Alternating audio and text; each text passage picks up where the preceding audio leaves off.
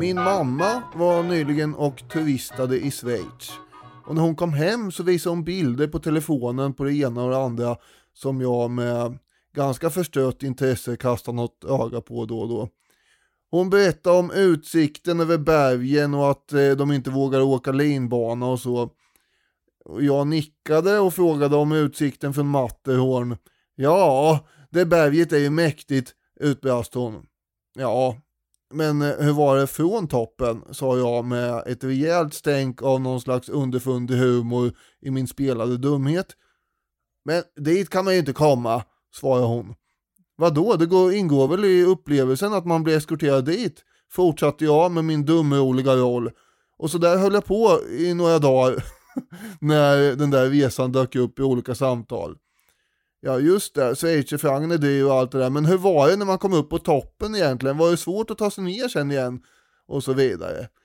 Det är kul med dålig humor ibland. Tanken att två 70 plus damer som inte vågar åka linbana mellan ordinära bergstoppar på något sätt skulle transportera sig upp till Alpernas mest svårtillgängliga bergstopp är lite festlig eftersom den är så totalt osannolik. Idag ska vi prata om den period på 1800-talet då särskilt den brittiska medelklassen ägnade sig åt att bestiga alptoppar så fort möjligheten visade sig.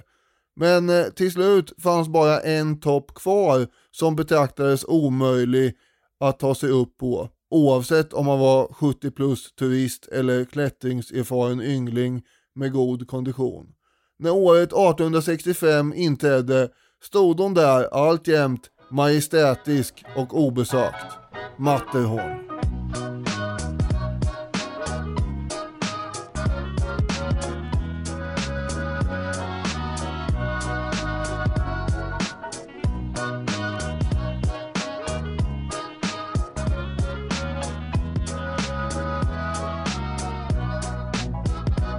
Ni är varmt välkomna till Historiepodden och vår stora Matterhorn special.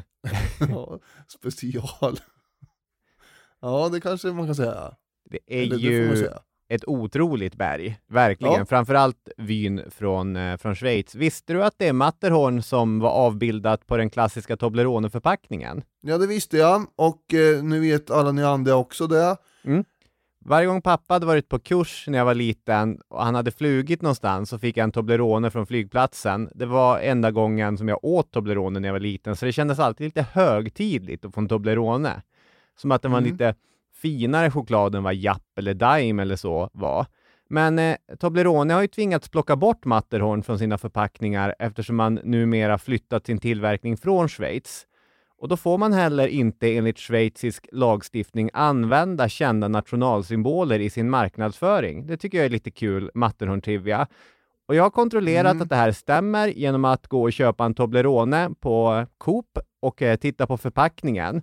Bra research. Där var det bara ett berg numera, inte Matterhorn. Tänker det är viktigt att få med det här på band så att alla vet att köpet verkligen var en riktig utgift för bolaget. I och för sig har jag svårt att se hur det skulle bli problem för någon att köpa en Toblerone på ett kort, men ändå. Ja, vänta, ett kort. Det här, du hatar ju när man förstör skämt, men här, här är, ligger ett skämt, eller hur? Ja, det, det är en liten referens till eh, Toblerone-affären. Ja, eh, sen var ju jag som skickade, mejlade dig den här artikeln med att eh, Matterhorn inte längre fick vara kvar på um, eh, som logga. Ja. Så att, eh, det är klart att jag kände till det här. Ja, det kände jag till före jag fick den artikeln. Vi, vi som ser Ja. Rapport 1930, det är, vi följer ju de viktigaste nyheterna allt eftersom de kommer. Ja, Okej, så nu blir det här en tävling om vem som visste det här först. Ja, tydligen. Ja, jag kommer ihåg, det här har jag nämnt innan då, men eh, det passar ju ganska lämpligt nu. Den gången vi flög till Nice, Mm. då satt ju du som, eh, som i trans när du upptäckte Alperna där nere. Du var på riktigt, trots vuxen ålder och allt, helt hänförd över hur vackert det faktiskt var där nere. Mm, jag hade ju aldrig sett Alperna tidigare, så att det, det var ju en... eh, Det, det är väl sådär Alperna Grand Canyon och kanske några andra platser i världen att det är, Mm. det är så storslaget. Lapporten, det, det, går, det går knappt sätta i ord.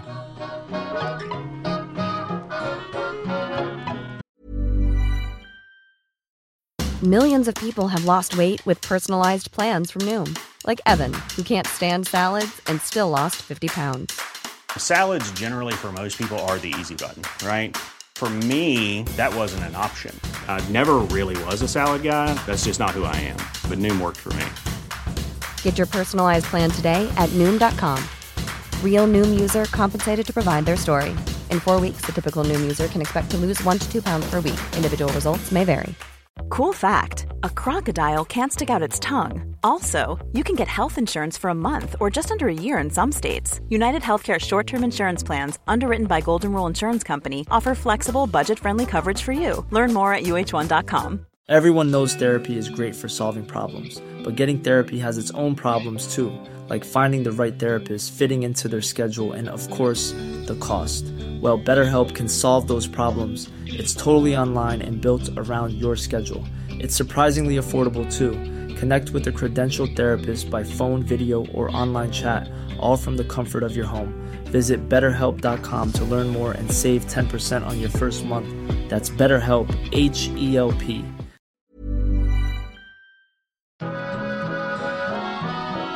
Vi ska prata om, eh, till att börja med, alpinismens guldålder som det heter. Mm. Men jag ska också inleda här med en klassisk sägning i den här podden och det är att vi återvänder nog till den här berättelsen om hur Europas högsta berg, Mont Blanc, bestegs en gång i tiden. Europas högsta berg. Ja, Ett- ja, Ett jädra högt berg. just det. Kom det in lite galenskaparna här med jag. Hur som helst, den historien utspelar sig då under sent 1700-tal. Och det är en rafflande story, också ur källkritiskt perspektiv eftersom historien förfalskades av vissa inblandade. Och eh, först hundra år senare fick man fram uppgifter om då, eh, alltså historiker som grävde fram att det var Michel Packard som också var med här och skulle hyllas för den där bedriften att han och Jacques Balmont 8 augusti 1786 hade nått toppen av Mont Blanc. Högsta punkten i Europa, Kaukasus undantaget. Efter Napoleonkrigen framåt 1820-talet så började man då få intresse för också andra alptoppar än, än Mont Blanc. Mm. Från 1827 fram till början av 1840-talet ägnade sig en skotsk professor som heter Forbes åt att resa runt i hela Alperna. Därmed inte sagt att han eh, var uppe på alla toppar förstås. Erik Shipton har ju skrivit en bok som vi har använt mycket till det här avsnittet. Just det, den brittiska bergsklättraren som, eh, han försökte ju ta sig upp på Everest massor med gånger under 30-talet och eh, under Shipton så gjorde Tenting Norgay sina första eh, expeditioner. Så att eh, dels eh, mycket känd bergsklättrare och, och dessutom eh, flitig författare. Ja, och han skriver så här. Professor Forbes var föregångare till den långa rad brittiska bergsbestigare som invaderade bergskedjan kort efter århundradets mitt, som förvandlade bergsbestigningen från tillfälliga bedrifter av excentriska resenärer till en erkänd sport och som i drygt ett decennium gjorde Alperna till sitt speciella reservat. Mm. Sportiga britter skulle visa vad de kunde och vad de klarade av och så sen kunde man själv hänga ner i Chamonix och betrakta de här äh, klättrarna och deras bravader i, i kikare på tryggt avstånd. Spexigt och kul. Ja, det är lite av en materialsport det här. Det behövs ju bra grejer. Eh, Åtminstone behövs det hackor, rep och kläder. Och det, alla gick inte runt och hade det här och dessutom hade inte alla eh, hittat något skäl till att man skulle ta sig upp på de här bergen. Det är, Nej. ju, det är lite grann som eh, de här eh, filosoferna under antiken kan man säga. Och nu undrar ju förstås du och alla andra hur jag menar då. Då menar jag att man behöver ha det kanske lite bättre ställt innan man kommer på tanken att börja sätta sig ner och fundera på tillvarons beskaffenhet eh, i antik tid. Du tänker så här, Maslows behovstrappa, så är vi, vi är ganska många steg upp innan vi kommer till eh, filosofera över livet och tingen eller bestiga bergstoppar, då har man liksom rätt mycket Mm. annat avcheckat. Det är exakt så jag menar kan man säga. Det behövs ju fritid och en del resurser här för att komma på den här idén. Och ett personligt intresse kanske. Och ett samhälle som då som sagt är berett att applådera de här bedrifterna. Som du var inne på, att man satt och tittade på klättrarna via kikare och sen eh, hyllade dem när de kom ner och hade lyckats. Sen behövs det också läskunnighet nog för att folk ska köpa de här böckerna som sen naturligtvis kommer skrivas om det här efteråt. Så att tiden är ju egentligen mogen först under sent 1700-tal och 1800-tal för att det här ska ens börja bli riktigt aktuellt att hålla på med. Mm. Och framförallt så blir det ju en brittisk nationalsport att klättra då i fransk, italiensk, schweiziska berg kan man säga. Ja, britterna var ju, alltså, de var ju fritidssportaktiga typer, så att det, det låg lite grann i den brittiska kulturen. Vilket är intressant att just bergsbestigningen blev en brittisk sysselsättning eftersom det inte finns berg eh, på, på deras lilla ö där. Om man tar Shipton till exempel, han var 15 år gammal när han följde med sin familj till Norge och för första gången såg berg och direkt bara föll pladask för de här bergen och så efter det så var det bara klättra, klättra, klättra som gällde varje sommar. Ja, det var ju också eh, inte bara det att de inte hade berg i England utan städerna på den här tiden blev mer och mer igenkloggade av smog och oväsen från olika industrier och det är klappande hovar och, och så. Högst obehagligt egentligen jämfört då med den här friska luften och stillheten i Mm. bergen, om det så är Norge eller Alperna. Så det, det var ju det som drog också, att komma ifrån någonting, kan man säga. Och eh, du har ju en eh, stor förmåga att eh, kunna känna igen dig i historiska aktörer och, och historiska förutsättningar. När vi pratade om eh, H.P. Lovecraft till exempel såg du någonting av, av Daniel i Lovecraft. Då tänkte jag, när det, när det blev tydligt det här att eh, de mest aktiva britterna när det kom till att klättra i berg, det var lärarna som hade de här Ja. långa sommarloven och som behövde en meningsfull aktivitet att fylla de långa somrarna med. Kände du då att eh, det här hade kunnat vara jag? Nej, Det här känner jag inte så mycket igen mig faktiskt. Nej, okej. Nej, det här är alldeles för ansträngande höll jag på att säga. ja, nej, det det, är inte, det är inte riktigt min grej. Det är inte min grej heller ska sägas. Förutom eh, lärare, brittisk medelklass som eh, hade lite pengar och lite tid och eh, ett härligt driv så behövdes det ju också bergsfolk. I alpbyar i bland annat Schweiz och dagens Italien så började lokala bönder hitta en viktig bisyssla, nämligen att guida alpint intresserade turister, de här britterna då. Och eh, inledningsvis, när alpinismen eh, i början av 1800-talet började treva sig fram, så kunde väl varken bönderna eller de här klättrarna eh, så mycket, utan som Chipton beskriver så kände man sig fram lite grann tillsammans. Men de lärde sig snabbt och eh, guiderna som hela tiden var ute och hade tillgång till bergen blev givetvis snart nog mycket skickliga på att ta sig fram och bedöma risker och så. Men sen behövdes, skriver Shipton, expeditionsledarna för att visa initiativ och moraliskt ledarskap. Ja, de kallas ju för alpfarare, de här som eh, är någon form av guider då. Exakt. Chipton skriver så här. Sålunda började omkring 1854 alpinismens guldålder. År efter år anfölls de skyhöga bergstopparna. Deras hemligheter pejlades med allt större skicklighet. Deras försvarsverk stormades i allt djärvare attacker. Varje år gjordes nya erövringar. Tills år 1864 knappast någon av de mer betydande alptopparna återstod att bestiga. Men det fanns ett viktigt undantag. Matterhorn. Just det. För idag är vi ju där det handlar om och då eh, ska man väl eh, nämna lite om just den eh, bergstoppen då. Tobleroneberget, som vyn från Zermattdalen i, i Schweiz visar det, då är man nordost om toppen. Det är ett vackert berg, måste man säga. Det finns ju några objektivt vackra berg. Mount Fuji, väldigt vackert berg. Vi har eh, de här tvillingtopparna, pitonerna i St. Lucia, de brukar jag sitta och bildgoogla ibland. Mycket, mycket vackra. Och Matterhorn är ju ett sånt mycket, mycket vackert berg.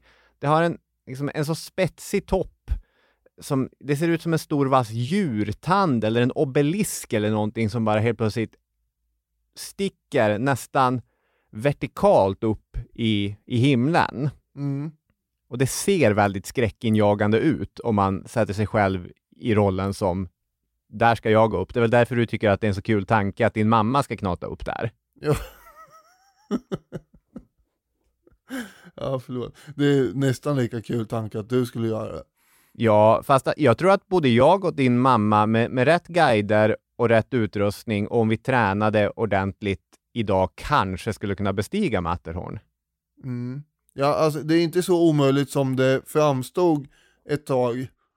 Nej. Det ska, ska ju sägas. Matterhorns topp utgör ju också gränsen mellan Italien och Schweiz, vilket är värt att, att nämna. För på sydsidan har vi alltså Italien och på nordsidan har vi då eh, Schweiz. Och Ja. eh, Zermatt är den schweiziska byn som du nämnde som ligger eh, nedanför toppen på den schweiziska sidan. Mm. Ska jag vara så här besvärlig redan från början då, eftersom det är lite relevant här och säga att eh, har vi ett Italien eller har vi inte ett Italien? Men vi har ju ett Italien 1865, det är väl ändå lämpligt och rimligt att påtala. Exakt, när vi kommer till 1865 så har vi ett nyligen enat Italien. Mm. Edward Wimper ska vi nu då ta och presentera. Han är född 1840, han är alltså 20 år när han skickas iväg av sitt förlag 1860 för att teckna alpmotiv. Han hade nämligen eh, sen 14 års ålder, alltså före då han eh, fick se ett berg överhuvudtaget, börja teckna och eh, så och blivit illustratör. Mycket Mm. skicklig sådan. Det fanns inga pengar i familjen, vilket eh, man kan ha med sig för många av de här bergsbestigarna kommer från eh, ganska välbärgade hem ändå. Mm. Men som många ungdomar både nu och då ville han ju ut och se världen. Kände sig instängd i Londons tristess och ville ha äventyr och därför var han väl eh, ganska nöjd då när han fick åka iväg på den här, det här uppdraget. Och när han såg alptopparna för första gången så blev han nästan lika gripen som du blev 2019 när vi flög över dem. Jag tror han blev mer gripen Ja, faktiskt. För det är... Jag har ju inte vänt upp och ner på, på mitt liv för att få återvända. Jag har till och med aldrig varit i Alperna, även om det är alltid någonting som jag tänker att vandra lite i Alperna borde man göra. Men fortfarande inte gjort det. Wimper, han återvänder till sitt förlag och säger fler sådana uppdrag, tack. Mm. Och förlaget var ju väldigt nöjd med det arbete som Wimper hade utfört, så att nästa sommar då var han i Dauphin-alperna i Frankrike och det är ju där han börjar klättra för första gången också, utforska de här alperna på riktigt. Samma sommar, alltså den här andra sommaren, så gjorde han sina första försök på Matterhorn. Det gjordes från den italienska sidan då. Och eh, mig veteligen så är det inget italienskt godismärke som har satt den italienska vyn över Matterhorn på omslaget. För eh, där ser man inte de här rent skurna detaljerna i toppen som man ser från den schweiziska sidan, utan den italienska vyn över Matterhorn är lite lojare och, och, och berget ser skrövligare ut och det Mm. ser därmed enklare ut att bestiga. Så Ja. ska man ge sig upp på, på Matterhorn om man bara gör en okulär besiktning, då kommer man välja den italienska sidan nio gånger av tio. Och det var ju det folk eh, hade tänkt sig, att den var omöjlig att nå från den nordöstra sidan från Saimat. Det är en lång kam som går uppåt som eh, betraktas som helt omöjlig. Och eh, då är det alltså som du säger den sydöstra sidan istället, där det är som utskjutna etapper mellan olika, ja det är avsatser och sen är det branta väggar och, och sådär. Mm. Den här första sommaren som Wimper tillsammans med sin guide Val Tournage klättrade i Matterhorn så tog man sig 3500 meter upp vid bergets sydvästra del. Och det låter högt, det gör det ju, men i själva verket har du liksom hela berget kvar då. du, du, du, står vid, vid, foten på toppen. Mm. Där tog det försöket slut eftersom guiden inte ville fortsätta. Det hade gått klippskred under natten och, och så.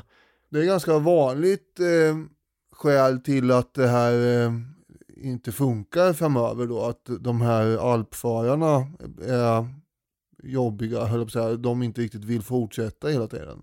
Nej, det här är ju deras jobb. De ska ju vara ute vecka efter vecka på expedition efter expedition under den perioden som, eh, som lämpar sig för, för alpklättrande, så de gör ju en annan riskbedömning än mm. vad de här ärgiriga unga britterna gör. Ja.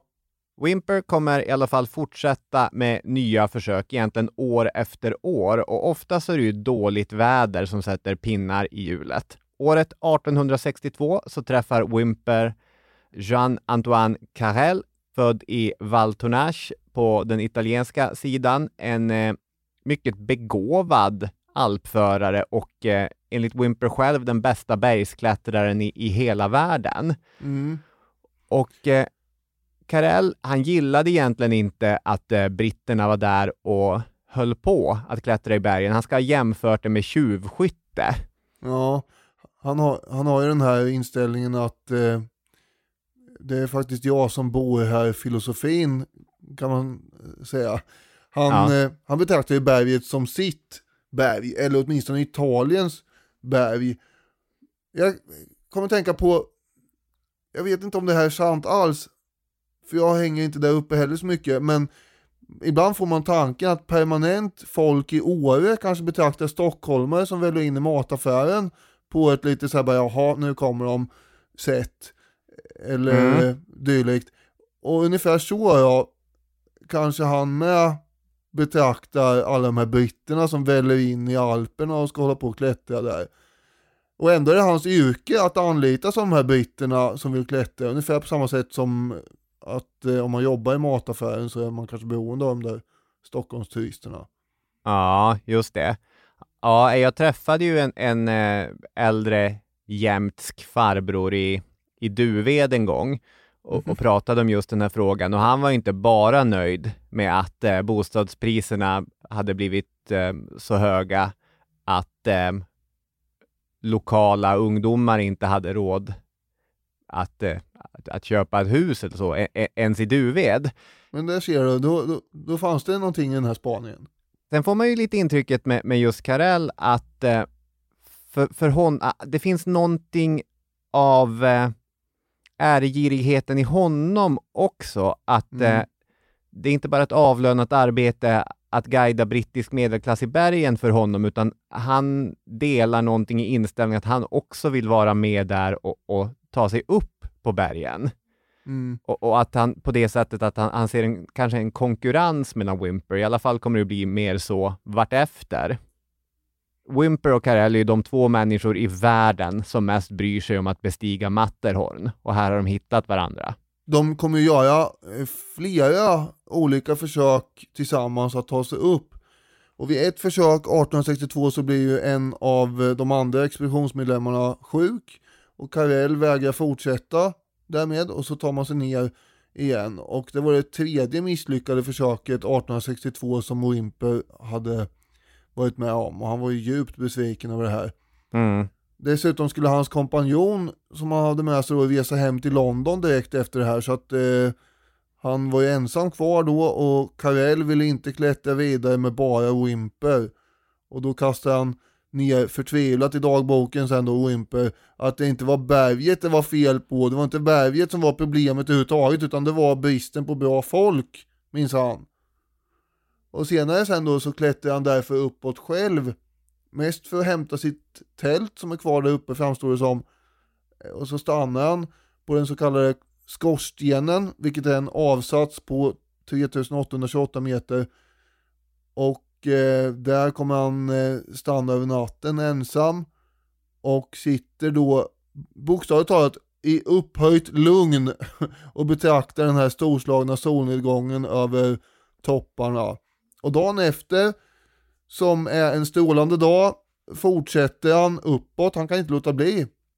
och klättrar ensam då, steg för steg, bara, bara som en magnet som drar honom uppåt. Och han förstår ju att det här är dårskap att hålla på och klättra vidare ensam, men det går inte att låta bli. Och till slut så är han då uppe på 4120 meter innan han tänker nej nu får det väl ändå räcka. Och då börjar han vända neråt. Men eh, under den där nedstigningen så snubblar han, halkar 60 meter, forsar neråt, får skrapsår, blir marbultad och kravlar sig till en relativt trygg plats där han svimmar en stund då. Men han har inte brutit några ben och eh, har mest skärsår överallt. Hade han glidit några meter till hävdar han så hade han rasat ner i en klyfta som var över 200 meter och då hade han ju dött förstås.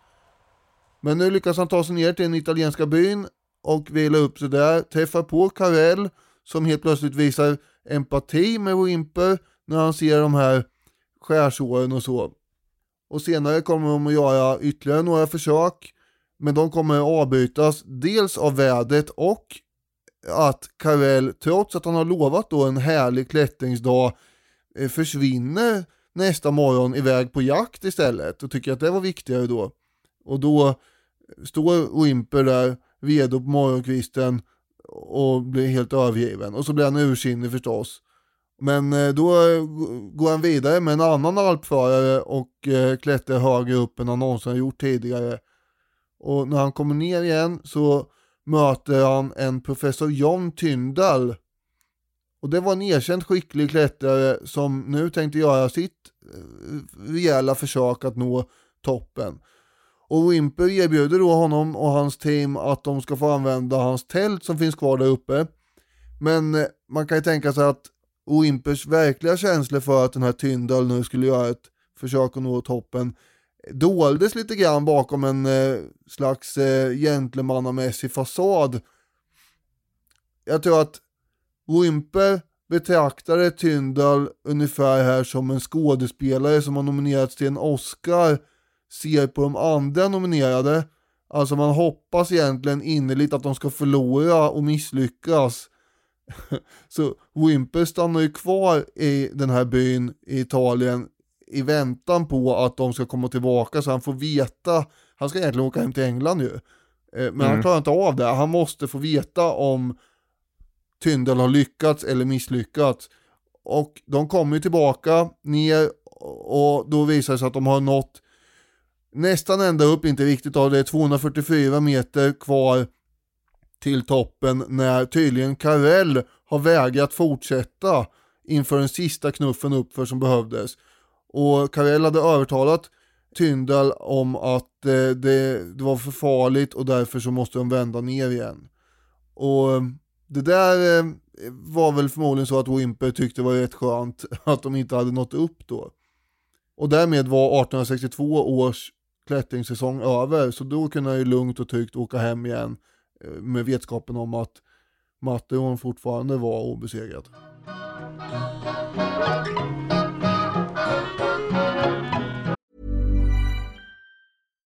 One size fits all seems like a good idea for clothes until you try them on. Same goes for healthcare. That's why United Healthcare offers flexible, budget friendly coverage for medical, vision, dental, and more. Learn more at uh1.com. Hey, I'm Ryan Reynolds. At Mint Mobile, we like to do the opposite of what Big Wireless does. They charge you a lot, we charge you a little. So naturally, when they announced they'd be raising their prices due to inflation, we decided to deflate our prices due to not hating you. That's right. We're cutting the price of Mint Unlimited from $30 a month to just $15 a month. Give it a try at mintmobile.com slash switch. $45 upfront for three months plus taxes and fees. Promote for new customers for limited time. Unlimited more than 40 gigabytes per month. Slows. Full terms at mintmobile.com. I'm Sandra, and I'm just the professional your small business was looking for. But you didn't hire me because you didn't use LinkedIn jobs. LinkedIn has professionals you can't find anywhere else, including those who aren't actively looking for a new job, but might be open to the perfect role, like me. In a given month, over 70% of LinkedIn users don't visit other leading job sites. So if you're not looking on LinkedIn, you'll miss out on great candidates like Sandra. Start hiring professionals like a professional. Post your free job on linkedin.com/people today. 1863 inträder och eh, Wimper gör ett par försök till. tillsammans med Karel att nå upp under det här året och det är också det året de verkligen börjar lära känna varandra bättre. Och Wimper respekterade ju Karel för hans skicklighet. Det är ett ord jag knappt vågar använda längre. Efter Vadå då? Ja, men senast när jag sa använde ordet respektera så var det mig i förhållande till Ptolemaos och då Ja, just det. Om du respekterar de här intellektuella giganterna eller inte. nu lyckas det ändå få mig att, må dåligt av att jag använder det här ordet. Förlåt, det är...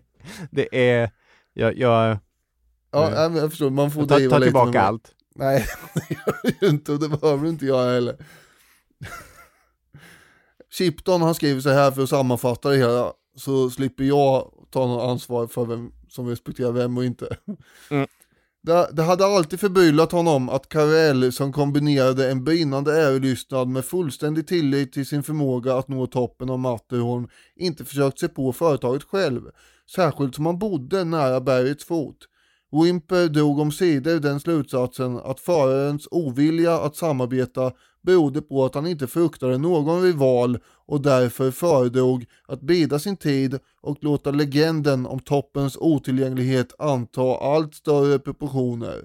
Därigenom skulle hans egen slutgiltiga seger te sig mycket mera dramatisk. Mm.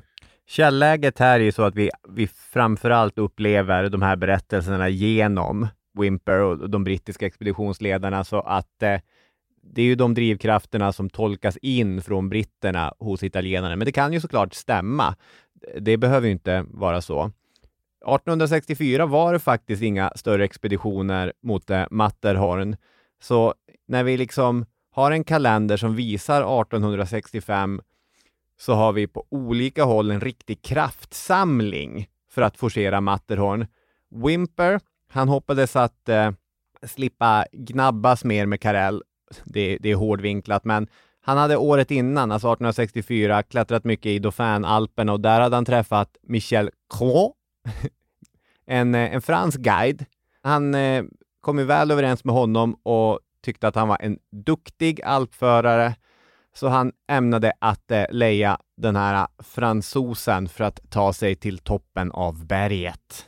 Ja, och de hade ju bestämt att de skulle ses nästa år då, igen, 1865.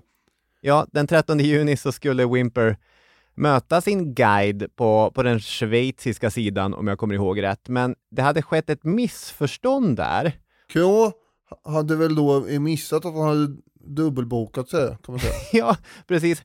Jag är jätteledsen, men jag har ju tackat ja till ett annat uppdrag i Chamonix.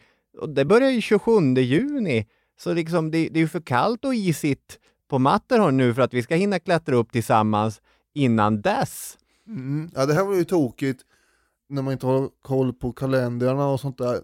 Ja, ja, det, jag tänker att det, det är lätt hänt att när man målar upp det projektet som, som vi ska gå in på nu, den här slutgiltiga satsningen för att ta sig upp på, på Matterhorn, att det låter mer genomtänkt än vad det i själva verket var. För Ja. det är ju det är väldigt mycket slump från olika håll som bara sätter ihop det teamet som vi ska följa. Nej, det är ju verkligen inte genomtänkt på det sättet. Det, det är ju så att de kan ju inte försöka på Matterhorn som sagt, för det är för isigt fortfarande i juni och för mycket snö. Och därför klättrar de ju på andra toppar tillsammans på den schweiziska sidan runt Zermatt. Mm. Eh, Och det är då som Wimper får idén när han hela tiden betraktar den nordöstra kammen. Han eh, lite grann eh, undersöker ju det här och eh, drar slutsatsen att eh, den här imponerande kammen, att den är så omöjlig, det är mer en optisk illusion. Mm. Och eh, han vet ju att på sydsidan så sluttar berglagens lutning utåt, ungefär som takpannor. Och i så fall så borde ju berglagen slutta inåt på nordsidan, vilket skulle underlätta klättringen. Då är det ett trappsteg istället. Ja, det blir ju som det. Men det ser ju fortfarande ganska läskigt ut. och Kra vill inte ge sig på en sån manöver och dessutom ska han ju åka till Chamonix och klättra med sin dubbelbokade klient. Så han vinkar hej då till eh, Wimper och eh, lämnar honom helt enkelt. I början av juli kommer Wimper till den italienska sidan där han träffar Karel och lyckas värva honom för ett försök. Absolut, säger Karel. här ska klättras tillsammans, oj vad du och jag ska klättra ihop du och jag här, inga problem. Men Karel har ju då äntligen bestämt sig för att försöka nå toppen på riktigt själv här. Ja, han har fått finansiering för att eh, göra en egen bestigning från den italienska sidan. Och som jag var inne på tidigare, det är ju värt att hålla koll på den italienska historien här. Vi är ju strax efter enandet, eller egentligen mitt i enandet. Victor Emanuel den andra har hyllats som italiensk kung och, och en våg av folkomröstningar har sköljt genom Italien. Så alla utom typ Rom och Venedig ville vara del. 17 mars 1861 hade parlamentet i Turin utropat det självständiga Italien, så det fanns ju en del kapitalstarka italienare som hade Mm. mycket goda skäl att sponsra andra italienare för att eh, utföra storslagna grejer som att klättra upp på Alpernas mest svårtillgängliga topp. Det är bra PR för det nyligen enade Italien. Det är vi ju. Och nu har då Karel tänkt att han ska hjälpa till i den här bedriften och själv då också få nå toppen. Och på Mm. morgonen den 11 juli så vaknar Wimper, sjukt taggad, studsar han upp ur sängen, rusar ut i köket för att bössa på havregrynsgröt och koka lagom löskokta ägg tänker jag mig, innan det är dags att ge sig upp på det här berget. Sen går han ut då, och med en aura av kanske Stig-Helmer Olsson så står han där, solsken i blick, redo. Men var höll Karel till? Och vad är det som rör sig uppe på berget? Förväntan förbyts liksom i onda aningar som forsar fram inuti honom här nu och var tusan har lagt kikaren och han kastar bort en massa hackor och rotar i ryggsäckar och där är han upp med en, rikta mot berget här ska vi se och, och jo då, där, där, där, där är ju som ett slag i magen ser ju då Wimper hur Karel leder en annan expedition på väg mot toppen på sydsidan. Det här är Ja. en ganska ful manöver av Karel. Ja, två stycken punkter på det. Ett, Ja. eh, jag älskar bilden med havregrynsgröten och, och allt sånt, men vill ändå ifrågasätta, Wimper är engelsman. Har du någonsin fått ett perfekt löskokt ägg i England? Det här är en Då- mycket rimlig invändning. De där äggen tror jag han kokade tills de var gröna. Det är, Ja. det, är Nej, min instinkt. Ja, nej, jag tänkte inte på den brittiska bristen på matkokningskonst här. Punkt två, det är en ful manöver av Karel, men vad skulle han ha gjort? Det är Nej, det är sant. Och, och hade man gjort det annorlunda själv? Det undrar jag också. Du hade också blåst eh, en klient, eller vad är det du säger? Alltså det, det är ju en klient, jag, jag vet inte, har han mottagit Wimpers pengar som förskottsbetalning? Då kan man ju börja ifrågasätta det, det moraliska och juridiska i det här, men, men han, det är ju, det är ju en konkurrent Ja, som han inte vill ge några fördelar. Och dessutom, det är jobbigt också bara face to face säga att eh, jag vill Mm. inte klättra med dig, så då, då, tänker han jag, jag kan ghosta Wimper och så sen kan jag smyga upp på berget i, i tid istället. ja, det är ungefär det han har gjort här. Ja, nej, du har ju kloka invändningar här, absolut. Så ju. Wimper i alla fall står ju där nu helt ensam och fullständigt utom sig av kreverande ilska. Och den enda ljuspunkten här är väl i så fall då att Karels expedition med de här finkänsliga klienterna han har tagit med sig är ju så stor och omfattande i utrustning och livsmedel att det är uppenbart att de inte kommer att ta sig upp särskilt snabbt. Här kommer det ta det. f- flera dagar med inplanerade pauser och sådär. Så eh, nu gäller det ju att rota ihop lite hjälpredor så man kan ta sig upp själv här. Men problemet är att han hittar inga andra alpfarare som är tillgängliga. Och när han misströstar som mest så dyker då den 19 år gamle Lord Francis Douglas upp som en skänk från ovan. Han har nämligen tänkt klättra lite själv här som för att sträcka på benen ungefär. Det är då en ung men ganska erfaren klättrare, Lord också som sagt, och han slår Mm. sig gärna ihop med Wimper som han känner till sedan innan. Med sig så har ju också eh, Lord Francis Douglas sin guide Taugwalder, Mm. eh, en, en ung schweizisk eh, alpförare. Så tillsammans så klättrar Wimper och Douglas tillsammans med Taugwalder över till eh, den schweiziska sidan, till Zermattdalen igen. Och vem står där i Schweiz och trampar? Jo, men det är ju Michel K. Jaha. För eh, hans andra kudden hade insjuknat, så istället så har K blivit lejd av eh, kyrkoheden Charles Hudson. En duktig alpinist även honom. Så nu har vi Lord Douglas, duktig alpinist. Vi har Wimper, duktig alpinist. Vi har eh, Hudson, kyrkoheden, duktig alpinist. Och så dessutom så har vi en till engelsman som eh, Shipton skriver. En annan unga engelsman. Ja. Haddow hette han. Han var inte en eh, så erfaren alpinist. Nej. 19 år också, precis som Douglas, men eh, inte ett dugg erfaren. nej. Och vill man ha en bild av alpinismens alltjämt rätt amatörmässiga format, eller vad man ska säga, så, så syns den ju här. Wimper, Douglas och Hudson är som sagt erfarna bergsklättrare och eh, på den mest utmanande klättring de någonsin gett sig på så tar de med en nybörjare som knappt ens har korrekt utrustning med sig. Det där har man ju sett i efterhand att eh, Haddow, han har inte ens eh, ordentliga kängor för att klättra i berg. Ja, det är häpnadsväckande dumt faktiskt. Ja, verkligen.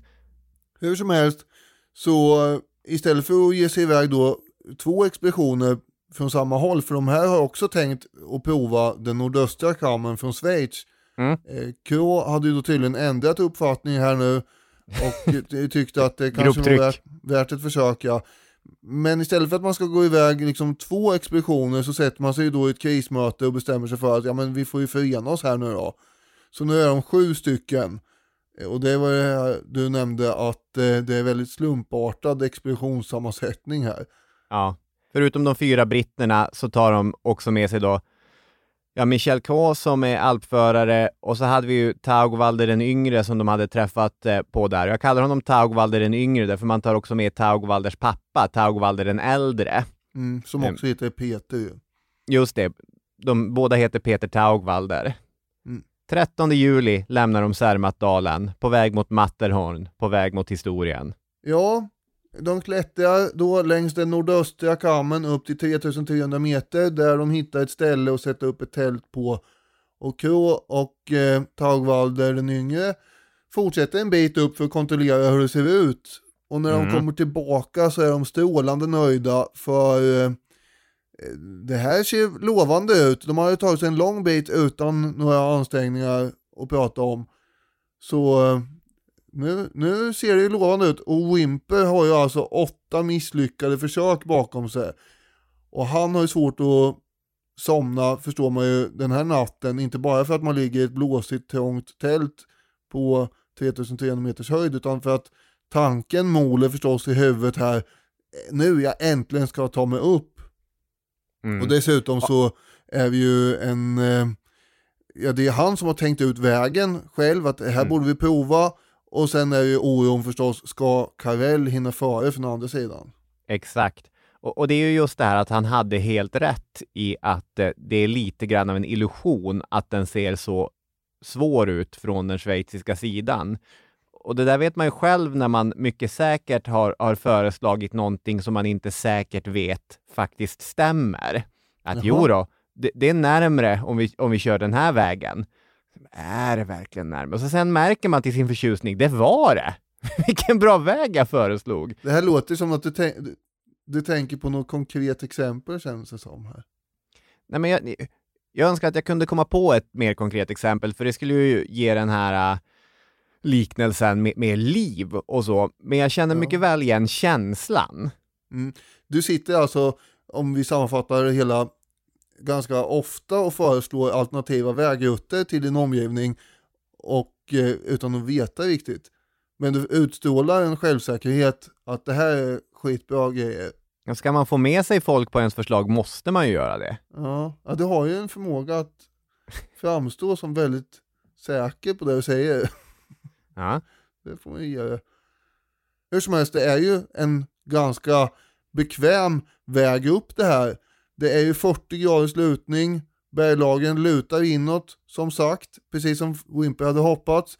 Så det blir ju som en naturlig trappa, det är enklare att placera fötterna steg för steg än vad det är på den andra sidan. Mm. Man Den första kilometern upp stöter de knappt på ett hinder. Nej. Och när klockan är tio på förmiddagen, perfekt väder för att klättra. Det måste han ha varit orolig för när han låg där i, i tältet. Tänk om det blir skitväder imorgon. Istället så är Mm. det perfekt klättringsväder. Ja. Så att de står 250 meter från den yttersta toppen. Vägen ligger öppen för dem. Sen kommer de upp till 4270 meter, då är det ungefär bara 200 meter kvar och nu börjar det bli lite knepigare. Det är något brant stup här och där, det är klippspetsar som ställer till det. Mm. Men som eh, Shipton skriver, inte ens då krävdes mer än försiktighet och måttlig kompetens. Ett hundratal meter högre upp gick de runt ett besvärligt hörn och då skingrades deras sista tvivel. Inte mer än ett 60-tal meter lätt snöterräng återstod. Så kanske att du och mamma skulle kunna ta sig upp här då. Ja, nej, men jag håller ju inte som omöjligt. Sen behöver vi kompetent yrkespersonal med oss. Vi kan inte göra det själv. Det är det som jag framför allt vill ha sagt. Den gängse uppfattningen på den här tiden var ju att när klättring blev mer utmanande så skulle man sätta ihop samtliga deltagare i expeditionen med ett rep. Mm. Så det ska vi ha med oss här. Det är de sju som kommer promenerande på rad med rep knutna mellan dem. De sista 250 eller 200 meterna upp, upp för berget. Men sen, som eh, du och Chipton poängterade, när det är ett 60-tal meter lätt snöterräng kvar, då kommer Wimper och K kasta av sig sina rep. Eller skär de sig loss från sällskapet? Där, där kan vi lämna osagt eh, än så länge. Göra ett mentalt bokmärke och fortsätta. Så före resten av sällskapet så springer Wimper och K. Och eh, Wimper han har ju sin gnagande oro att Karel ska vara där. Ja, Men han kommer upp, det är helt blankt i snön, det är inte ett spår där, utan han sätter sin fot där människan aldrig tidigare satt sin fot. Han är först! han är först upp. Och jag tror att hans stress som han känner när det är ett 60-tal meter kvar är lätt att förstå om man tänker sig in i känslan av att behöva gå på toa. Man vet, när man vet att det är långt kvar innan man kan gå på toa, om man sitter i en bil till exempel eller sådär, jag vet inte. Då, liksom, då kan man hålla sig. Men eh, när det plötsligt är nära till en toalett, det är kanske en konstig jämförelse, men då säger hjärnan att nu, nu då, nu är det riktigt nära det här, nu, det här kommer hända nu. Då blir det ju som ett akut behov. Och det är väl därför han känner att han måste ta sig loss från repet och springa upp så fort som möjligt. För tänk vad irriterande det skulle vara om Karels huvud dök upp där uppe helt plötsligt. Och han skrev ju själv senare, ju högre vi kom, desto mer steg spänningen. Tänk om vi skulle besegras av italienarna i sista stund. Det här be- beslutet att skära sig loss och själv springa före de andra har ju tolkats olika av olika författare och, och bergsmänniskor genom historien. Det finns ju också britter som, som tycker att det är väldigt dåligt moraliskt ledarskap av Wimper. Att det, det är, vad ska man säga, en plump i hans protokoll. Ja, den invändningen kan man ju förstå. Klockan är 13.40 när de är där uppe och de börjar ju titta sig omkring neråt då förstås och då ser de italienarna på andra sidan 270 meter längre ner ungefär. Just det. I sin självbiografi skriver Wimper än idag önskar jag att ledaren för det sällskapet kunde ha stått med oss där i det ögonblicket, ty våra segerrop betydde hans livs besvikelse. Av alla som försökte nå Matterhorn var han den som mest förtjänat att vara den första på toppen. Låt gå, men det luktar efter hans konstruktion. Jag tror Ja, inte det var så han kände där och då.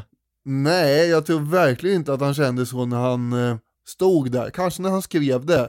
Men det är ju lättare att säga sådana saker när man har vunnit Oscarn än när man sitter där innan de ska ropa ut vem det är som har vunnit. Om jag får Ja. återgå till min jämförelse innan där.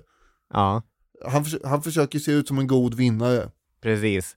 För att göra italienarna uppmärksamma på att eh, engelsmännen har hunnit först upp så börjar de ju ropa att liksom vi slog er, vi är här. Mm. Och så sen när de inte riktigt känner att de får kontakt börjar de kasta stenar mot dem också. Ja. Det här är ju faga gentlemannamässigt beteende ändå väl? Det är som att ha vunnit Oscarn och istället för att bara stå där och säga vilken ära att vinna Oscar när det är så många begåvade skådespelare som är nominerade så börjar man säga Jag vann! Jävla sopor! Började dela ut eh, lavetter till folk mitt på galan där. Just det. apropå det här med att han önskar att Carell skulle varit med när han skrev att han önskar att han eh, skulle varit med så kan ju det bero på att de blev ju senare vänner på riktigt faktiskt och besteg eh, berg i Anderna tillsammans och sånt där. Och då får man ha med sig att Wimper verkar inte ha haft så många andra vänner egentligen. Så eh, han tyckte nog att det hade varit trevligt om Carell hade fått vara med i efterhand. Men just Mm. då, som sagt, nej. Nej. De stannar ju en dryg eh, timme på toppen, Wimper något längre. Han sitter där och tecknar det han ser och liksom försöker insupa den här givetvis otroliga känslan. Mm. Ja, de står ju där och skålar ett tag, eller ett tag, det är en timme innan de börjar gå ner och eh, i en artikel i Världens historia står det På toppen ägnade segrarna en stund åt att njuta av både triumfens ögonblick och av utsikten. K offrade sin tröja och reste med hjälp av en tältpinne en provisorisk flagga. Nu väntade bara nedstigningen. Han lämnar ju eh, Wimper alltså en slags flaskpost där uppe också. Eh, och på lappen står det då namnen på expeditionens medlemmar. Och så gräver han väl ner den där flaskan i snön där uppe innan han går ner.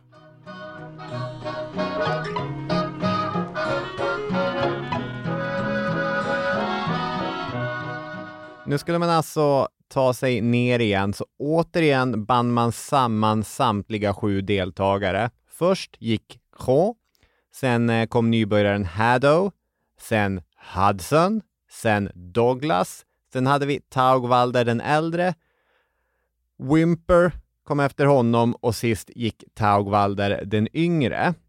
Mm. Och eh, av anledningar som sedermera kom att bli mycket omdebatterade så hade man mellan Taugwalder och eh, Douglas bundit med ett rep av sämre kvalitet än det rep som de övriga satt ihop med. Det var alltså de fyra första ordentligt sammansurrade och sen lite svagare lina till de tre som, eh, som gick sist i den här kedjan.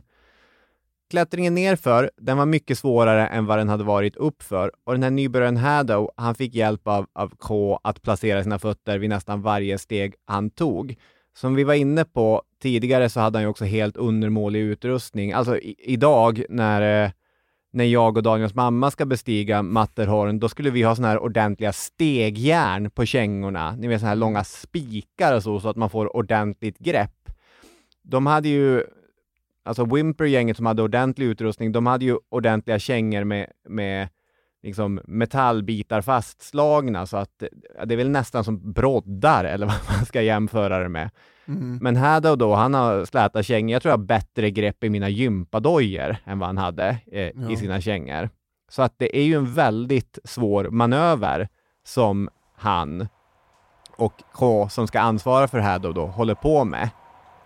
Och sen, det är hur lugnt som helst, men plötsligt händer det. Haddow missar ett steg. Ja, klockan är 15.10 ungefär och Wimper han eh, uppger att han ser inte dem längre ner så bra för tillfället för han är skymd bakom någon klippa när den här katastrofen händer. Och han skriver Jag gissar att K hade säkrat Haddow och sedan vänt sig om för att plocka upp sin isyxa. Just i detta ögonblick måste den utmattade Haddow ha halkat och när han föll måste han ha knuffat omkull den ouppmärksamme K. Och eh, då drogs ju förstås också Hudson och Lord Douglas med i det här fallet eftersom de satt ihop bundna. Och Wimper Mm. skriver igen här då. Jag och de två guiderna kände också det kraftiga rycket men vi hade ett par sekunders förvarning och han precis hålla emot av alla krafter med benen. När repet spändes gick det av med en smäll. Och eh, nu har vi då fyra män här som singlar ner som trasdockor i luften.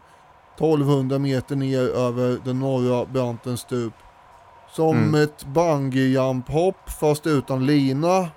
Är väl känslan, jag vet inte. De här tre kvarvarande klättrarna är ju i djup chock förstås. De ska inte ha rört sig ur fläcken utan varit paralyserade i en hel halvtimme.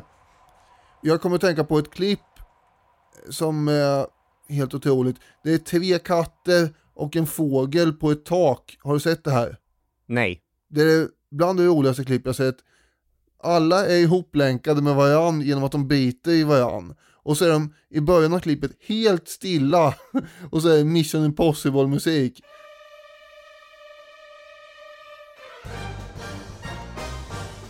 Och sen eh, släpper den ena katten den andra katten och de två som sitter ihop och den, tre den tredje där och håller ju en fågel i munnen också. De börjar ju snurra ner för taket varpå den ena kommer loss och sen drar iväg med fågeln. Nu menar jag inte att det här var en rolig situation på Matterhorn eh, för Wimper och Taugvaldarna här måste det ha varit förskräckligt. Men den där fastfrusna ställningen i en så här utsatt position gör att jag kommer att tänka på det där klippet ändå. Ja, jag fattar.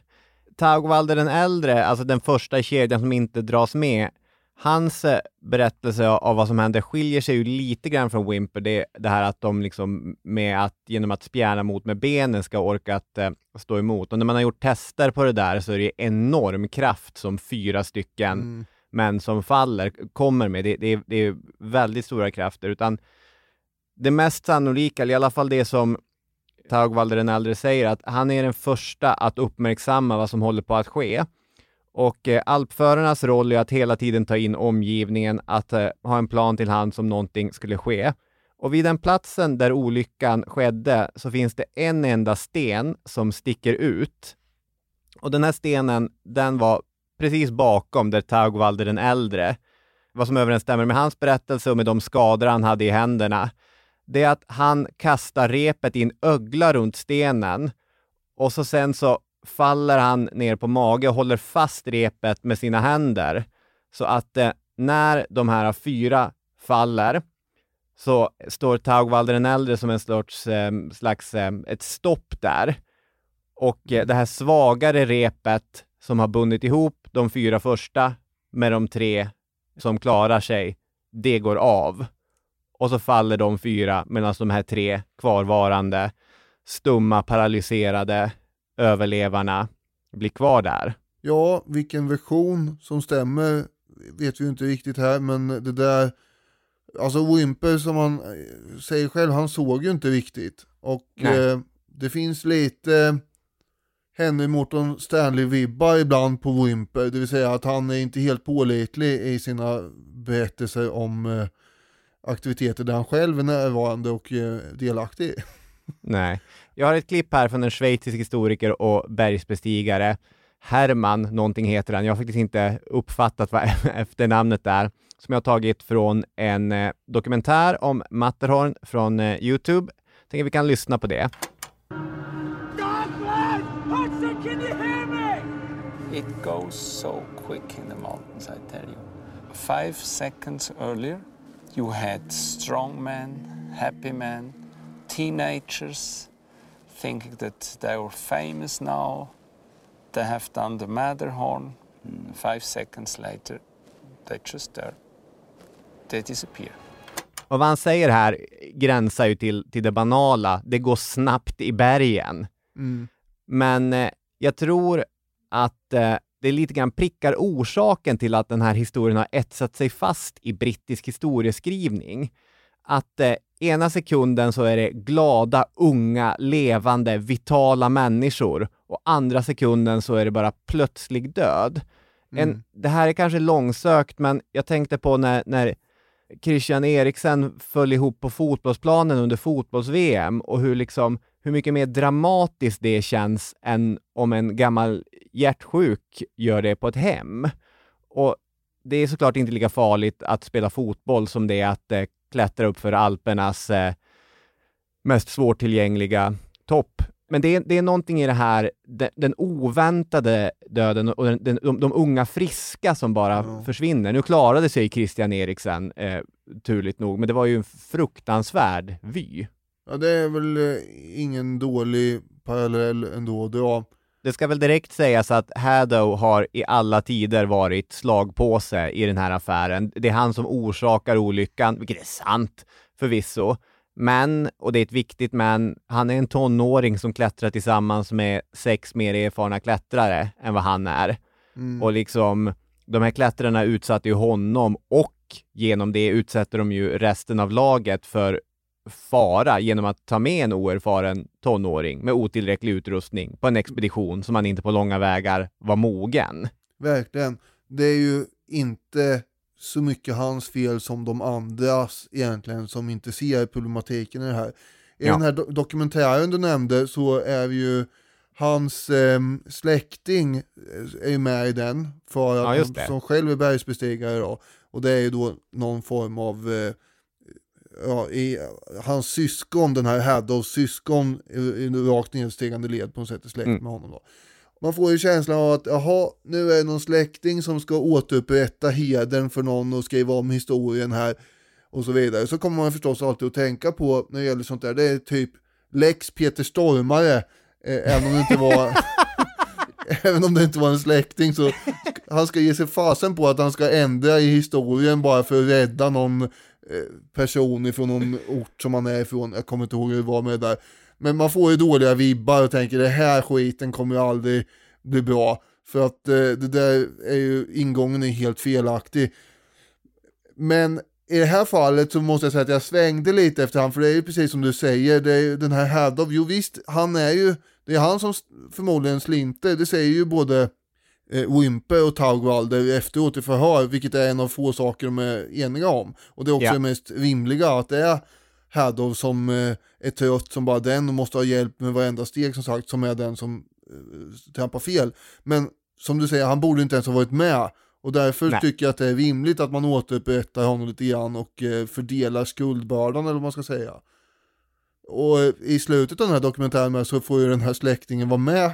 De, jag vet inte exakt om de flyger väl, de, de tar sig ju upp dit i alla fall. Och så står de ju exakt vid den där stenen där Tagwalder försökte liksom ta spjärn eller vad han gjorde. Så Ja. exakt vid stenen kan de klappa på, här hände det. Och det är ganska, det är ganska stort ändå. Ja, det är det. För det blir ju ett form av blame game i efterhand där Wimper kan man säga angriper den här pappa Taugwalder för att inte ha skött sakerna som han skulle och sådär. Mm. Och det är anklagelser om varför fick eh, vi, hade du ett sämre rep i det här läget för att knyta ihop dig själv med de andra fyra och sånt där. Mm. För det är intressant att alpinismen, trots att den liksom var i sin linda, eller vad man ska säga, den hade inte orsakat många dödsolyckor. Så att det här var liksom Nej. chockerande, att, att det var farligt och att unga friska människor kunde dö knall och fall. Så, så dels har man ju från schweiziskt håll bara snabbt eh, skrapat ihop en, en kommitté med lite oklar juridiskt eh, mandat att avgöra om, om det var en olycka eller inte. Men det blir också ett stort tryck hemifrån det här mediala. Det är inte bara sång och jubelrop över att eh, en, en engelsman har lyckats med en, en stor bravad, utan man vaknar ju upp till den fruktansvärda insikten att det har, det har dött massa unga engelsmän. En lord Mm. har avlidit i onödan. Ja det tyckte ju drottning Victoria var riktigt slöseri och undrar om man inte kunde förbjuda den här verksamheten. Ja. Sju år senare så publicerar ju Wimper sin självbiografi och eh, det är då som ärendet blir lite infekterat för han föreslår ju att Tagovalder den äldre kan ha valt det här svagare repet för att försäkra sig om sin och sin sons säkerhet om någonting skulle hända. Och i den här dokumentären vi pratar om, det är ganska roligt, de schweiziska guiderna, de, de baxnar när det förslaget förs på tal. Och alltså, det är väl ganska, ganska långsökt också. Man, man ska ju tänka flera steg framåt om man tänker att det här kommer gå illa och då behöver jag ha ett svagare rep så att inte vi dras med i det. Men det, det finns också en, eh, en, en annan intressant eh, grej och, och det är att eh, någon medlem i The Alpine Society hemma i, i England, det här sällskapet där man jämförde bergsklättringsbedrifter med varandra och man publicerade skrifter och så. Där är det någon som i efterhand har påstått att eh, anledningen till att det var ett svagare rep, det var för att Wimper skar sig loss på vägen upp. Så man hade inte nog med långt rep för att binda ihop alla eh, Ja, igen. det. Så det är Wimpers fel att Ja. det här svagare repet höll ihop dem. Och det här är en person som skriver i efterhand och som inte var med på plats, så det finns ju källkritiska problem med det Men här. Wimper ska ju ha erkänt för någon många år senare under en middag att han hade skurit loss sig på vägen upp då. Och därmed så fanns det ju inte något mer rep tydligen som var bra kvalitet. Och om man tror på det då, eh, då blir det ju Wimpers fel även om det inte var ett medvetet val förstås. Inte som att, för, för de ryktena fanns ju med faktiskt. En österrikisk tidning hade ju gått ut några år senare med uppgiften att Wimper var den som hade gått fram och skurit av repet snabbt och, och hastigt. Just det. Vilket väl är lite mer långsökt och eh, gjorde att han mådde väldigt dåligt över det där. Ja. Men, men däremot kan det ha varit hans fel fast indirekt då i så fall. Ja. För att han var så övergivig.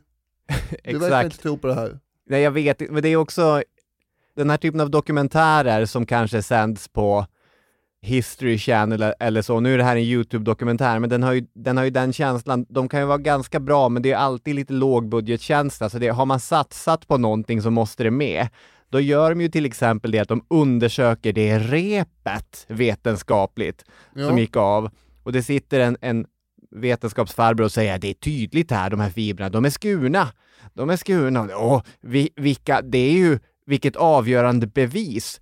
Sen visar det sig att det här repet som ligger på museet, det är ingen som vet om det är rätt rep överhuvudtaget. Så att det är ju, det är ju helt, det är väldigt konstig vetenskap.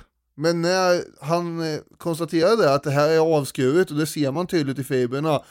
Var det någonting i det då som eh, fick dig att resa upp i soffan och, och eh, lite grann baxna? Nej, du, Ja. du, du är väldigt svårpåverkad sådär. Jag tänkte bara oj, oj, oj! Det var avskuret, det är bevisat! Och sen då kommer det ju alltid lite, grumlas det ner lite av att man inte vet riktigt om det var det repet eller och sen att om det ens var det så vet man ju inte vad det har varit eh, under en Nej. lång period. Det kan ha skurits av efteråt på något sätt och, och Ja. lite hitan och ditan. Så att det var ju inte så tydligt som man först tänkte. Jag tycker det är riktigt ohederligt berättat att ta det i den ordningen. Ja, kanske, men det gav ju lite effekt. Ja.